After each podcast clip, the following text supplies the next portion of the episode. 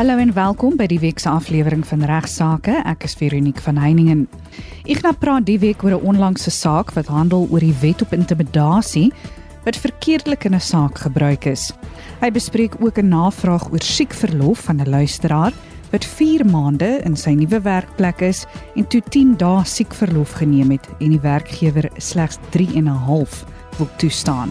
Daar is heelwat implikasies veral waar 'n mens onnodige siekverlof neem of wanneer daar herhalende patrone van siekverlof is. In die tweede deel van regsaake sluit prokureur Susan de Wet van van Velden Duffy Prokureurs by my aan om te verduidelik hoe die padongelukke fonds werk.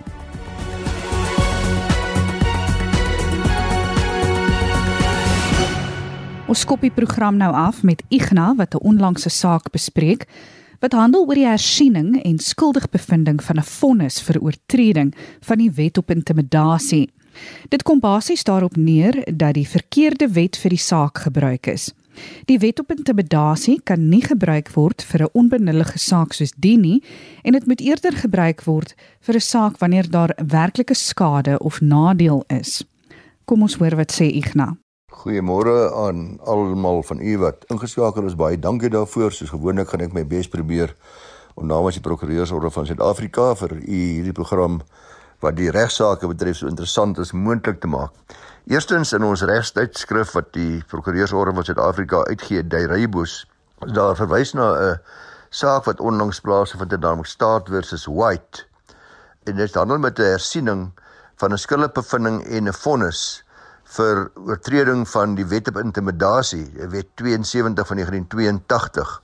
Hier het die beskuldigde skuldig gepleit en hy was toe gefonnis tot R1000 of 6 maande gevangenisstraf, maar dit was uh, ten volle opgeskort vir 'n periode van 5 jaar en twee regters het toe daarna op hersiening.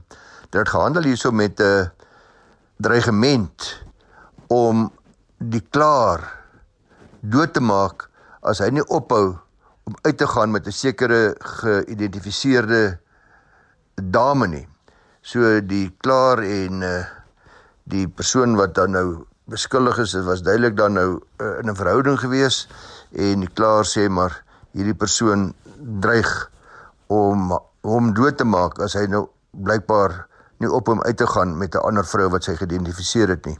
Die twee regter kritiseer die feit dat die verkeerde wet nie gebruik is. Hulle sê hierdie wet op intimidasie kan nie gebruik word vir so 'n onbenullige saak soos hierdie nie. Hulle sê die artikel behoort slegs gebruik te word in ernstige sake. Die misdaad van intimidasie sê hulle is eintlik nie bedoel om vir sulke sake toepaslik te wees nie. Dit moet eintlik gebruik word wanneer daar werklike skade of nadeel is verlede van die publiek om mense te straf wat ander intimideer soos byvoorbeeld op 'n sekere manier so intimideer my om nie te gaan getuienis gee in die hof teen my nie of om nie 'n sekere politieke party verder te organiseer te ondersteun nie of om nie julle munisipale rekeninge te betaal nie daai soort van intimidasie of byvoorbeeld intimideer my om deel te neem aan 'n stakingsaksie. So die hof sê Ja, maar hierdie is 'n onbenullige saak en uh daarom gaan hulle nie die skuldbevinding en die vonnis op hersiening goedkeur nie en gevolglik in hierdie geval word dit van tersyde gestel. Ek dink dit is belangrik luisteraars om as mens van hierdie saak lees, ek het dit ook in die pers gesien, dat mense nie die indruk moet kry dat die wet op intimidasie dan of hierdie uitspraak dan beteken dat hierdie optrede goedgekeur word nie, waar mens iemand dreig met die dood as hy of sy dan nou uitgaan met iemand anders te nie. Ek dink uh, so net bloot in hierdie geval is die verkeerde wet gebruik in hierdie hofsaak en die wet en as hierdie klaar die wet op gesinsgeweld sou gebruik het, dan is ek redelik seker dat uh, die hof 'n ander bevel sou maak en dat daar 'n geldige bevel in gevolg die wet op gesinsgeweld verkry sou word om so 'n persoon te verbied om my verder te dreig met die dood as ek met 'n ander dame uitgaan wat nou nie die ander persoon se goedkeuring wegdra nie. Definisie van gesinsgeweld het ek al met u bespreek en daardie wet op gesinsgeweld is 'n baie wye definisie. Dit sê ook in gewone verhouding tussen twee mense wat nie noodwendig getroud hoef te wees nie en as 'n beslis ook 'n doodsdreigement insluit. Terwyl ek dan nou vertel van hoe wyd die wet op gesinsgeweld se definisie wel is en hoeveel aksies dit wel kan insluit, herinner dit my ook aan 'n onlangse saak waar die hof wel gesê het waar die definisie nie wyd genoeg is om byvoorbeeld in te sluit waar iemand per SMS beskuldig daarvan word dat hy die oorsaak is dat die huwelik misluk het nie dat hy ontrou is en dat hy nie vir sy kind uh, lief is nie ensovoorts ensovoorts nie. In hierdie geval was die partye betrokke in 'n baie heftig verdedigde en emosionele egskeiding en die hof sê waar jou gade dan nou vir jou 'n paar SMS'e stuur waarin sy jou beskuldig van al hierdie dinge dat jy nie 'n goeie pa is nie en dat jy nie jou kind behoorlik liefhet nie en dat jy ontrou is en dat jy vir haar weghou van die mediese fonds af en al sulke dinge soos dit baie keer gebeur in egskeidings, dan is jy nie 'n slagoffer van die soort aktiwiteit wat deur die wet op gesinsgeweld gedek word nie. Die appelhof sê natuurlik ook dat daar ander regsremedies is vir mense in daardie situasie, maar wys ook duidelik hulle ongelukkigheid met die boelie taktiek van hierdie man, veral die toehou van sy beursie en om hulle ongelukkigheid te staaf beveel hulle hom om die kostes van die appel te betaal. Ignas het 'n vraag van 'n anonieme luisteraar ontvang wat handel oor siekverlof. Die luisteraar werk reeds 4 maande vir 'n groot maatskappy, maar het intussen 'n mediese probleem ontwikkel en moes 10 dae siekverlof neem. Die werkgewer sê nou dat hy slegs vir 3 en 'n half dae siekverlof in aanmerking kom. Ek ontvang 'n vraag van iemand wat sê hy werk nou al bykans 4 maande by 'n nuwe werkgewer, 'n baie groot maatskappy. Hy sê hy het talle dae ook uh, oor tyd gewerk en het sy bes probeer, maar na 4 maande het hy ongelukkig 'n mediese probleem ontwikkel. Hy was vir 1 week lank selfs gehospitaliseer en in totaal was hy 10 dae afwesig vanaf die werk. Maar nou sê hy sy werkgewer sê hy slegs geregtig op 3 en 'n half dae se siekverlof. Uh, sy oortyd wat hy gewerk het al daai ure word glad nie in berekening gebring om te bereken hoeveel dae hy geregtig is op nie. En hy sê hy het gehoor dat hy eintlik is hy geregtig op 6 weke siekverlof oor 'n siklus 'n tydperk van 3 jaar. Al neem hy al 6 weke dan in die eerste jaar nou die navraag uh, ek gaan om anoniem hanteer gee my die geleentheid om so 'n bietjie in die algemeen 'n paar dinge net vir ons luisteraars te sê oor siekverlof want daar is heelwat implikasies veral waar 'n mens onnodige siekverlof neem of wanneer daar herhalende patrone van siekverlof is.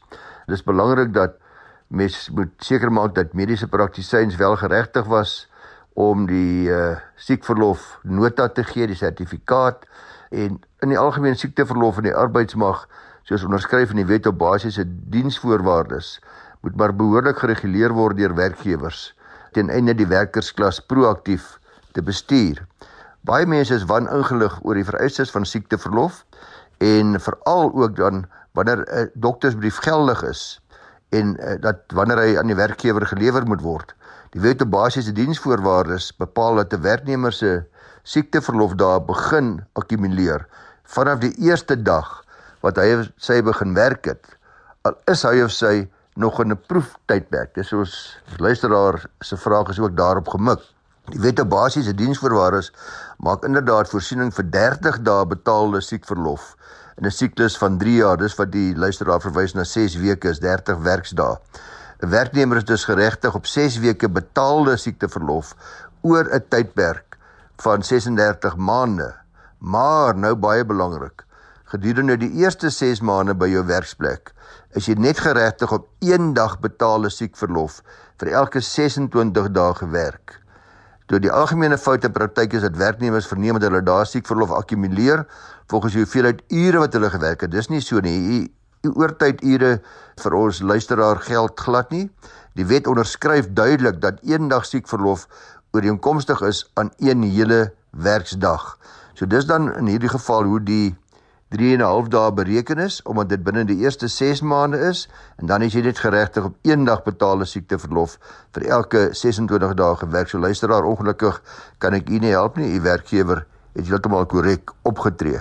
Ek het ook 'n brief gekry wat handel oor die siekteverlof se geldigheid, oor die mediese sertifikaat wat gelewer word. Wanneer is dit geldig? Artikel 23 subartikel 2 van die wet op basiese diensvoorwaardes onderskryf dat die mediese brief of mediese sertifikaat geldig geag word indien dit uitgereik word met die doel om te spesifiseer dat daar 'n mediese toestand by die werknemer is, dat hy nie bevoeg is om te kan werk nie, hy of sy nie, en dit moet dan natuurlik behoorlik onderteken word deur die mediese praktisyn. Maar die vraag is nou wie se mediese praktisyn? Wat is die definisie? Die wet is baie eenvoudig. Hulle sê dat 'n mediese praktisyn geklassifiseer word as enige praktisyn wat wettiglik pligte uitvoer onder 'n gevolge 'n parlementswet. So baie werknemers krap maar baie keer kop en werkgewers ook veral oor wanneer 'n gesondheidswerker geag word om te voldoen aan die vereistes van 'n mediese praktisyn soos in die wet beskryf. In Suid-Afrika is ons bietjie uniek as gevolg van ons diversiteit in kultuur, rasse, sien ons dikwels verskillende tipe gesondheidswerkers, verskillende etniese groepe, byvoorbeeld tradisionele dokters, sangomas, uh, ons sien ook daar sielkundiges as lewensafrigters. En die vraag is of hulle almal geregistreer is by die Suid-Afrikaanse Raad vir Gesondheidsberoepe al dan nie. Dis belangrik byvoorbeeld wanneer 'n werknemer van 'n tradisionele dokter se dienste gebruik maak, vir sangoma gebruik maak, dan kan 'n werkgewer vereis dat die spesifieke persoon moet aan die Gesondheidsvereniging van Suid-Afrika behoort, die Allied Medical Society of indien daar van die dienste van 'n klinieksuster byvoorbeeld gebruik gemaak word, dat die suster geregistreer is in terme van die toepaslike wetgewing. Verder natuurlik kan mens die geldigheid van enige mediese sertifikaat bevraagteken wanneer daar uh, eh, wysigings aangebring is op hom, wanneer daar jy kan sien mense datums verander of wat dit net op die oog af verdag lyk. Heel dikwels by 'n uh, groot kantoor sal mens agterkom dat dieselfde geneesheer oor en oor siekte sertifikate uitreik vir verskillende werknemers en dit op sigself is ook al reeds verdag. En uh, die beste raad in so 'n geval is mens twyfel het oor die geldigheid van 'n mediese sertifikaat, dan uh kontak dan maar Suid-Afrikaanse Raad vir Gesondheidsberoepe.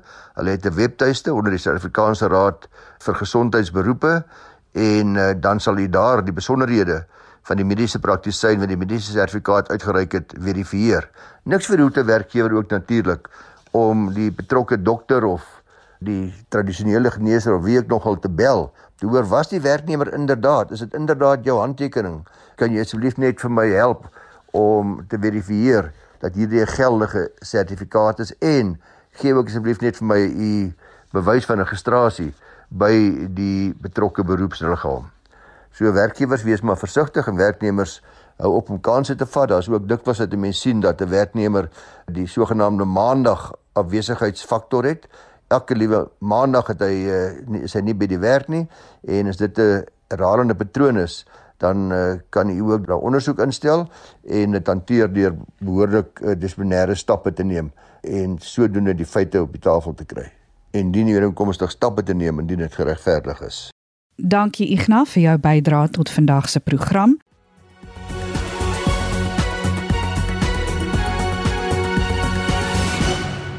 Ek verwelkom nou graag vir prokureur Susan de Wet van van Velden Duffy Prokureurs wat vandag vir ons gaan verduidelik hoe die padongelukke fonds werk. Goeiemôre Susan. Nou Susan, eerstens, wie kan van die padongelukke fonds eis? Goeiemôre Veronique en luisteraars. Dankie vir die geleentheid om met julle te kan gesels oor eise teen die padongelukke fonds. So wie kan 'n eis indien teen die padongelukke fonds? Nommer 1 enige persoon wat in 'n motorongeluk beseer is en verlies of skade gely het as gevolg van 'n liggaamlike besering. Dis nou in 'n geval waar die beseerder nie die oorsaak van die ongeluk was nie. Tweedens enige onafhanklike van 'n persoon wat oorlede is in 'n ongeluk kan 'n eis indien vir verlies van onderhoud. Derdens 'n ouer of wettige voog kan namens 'n minderjarige beseerde kind 'n eis indien.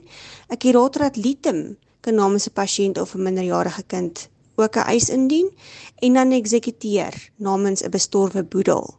Kan ek ook teen die skuldige bestuurder skadevergoeding eis? Nee luisteraars, jy kan nie skadevergoeding van die skuldige bestuurder eis vir beserings wat jy in 'n motorongeluk opgedoen het nie. Omrede die padongelukke fonds instaan vir die nalatigheid van die versekerde bestuurder, maar jy het wel 'n moontlike siviele eis vir die skade aan jou voertuig en besittings.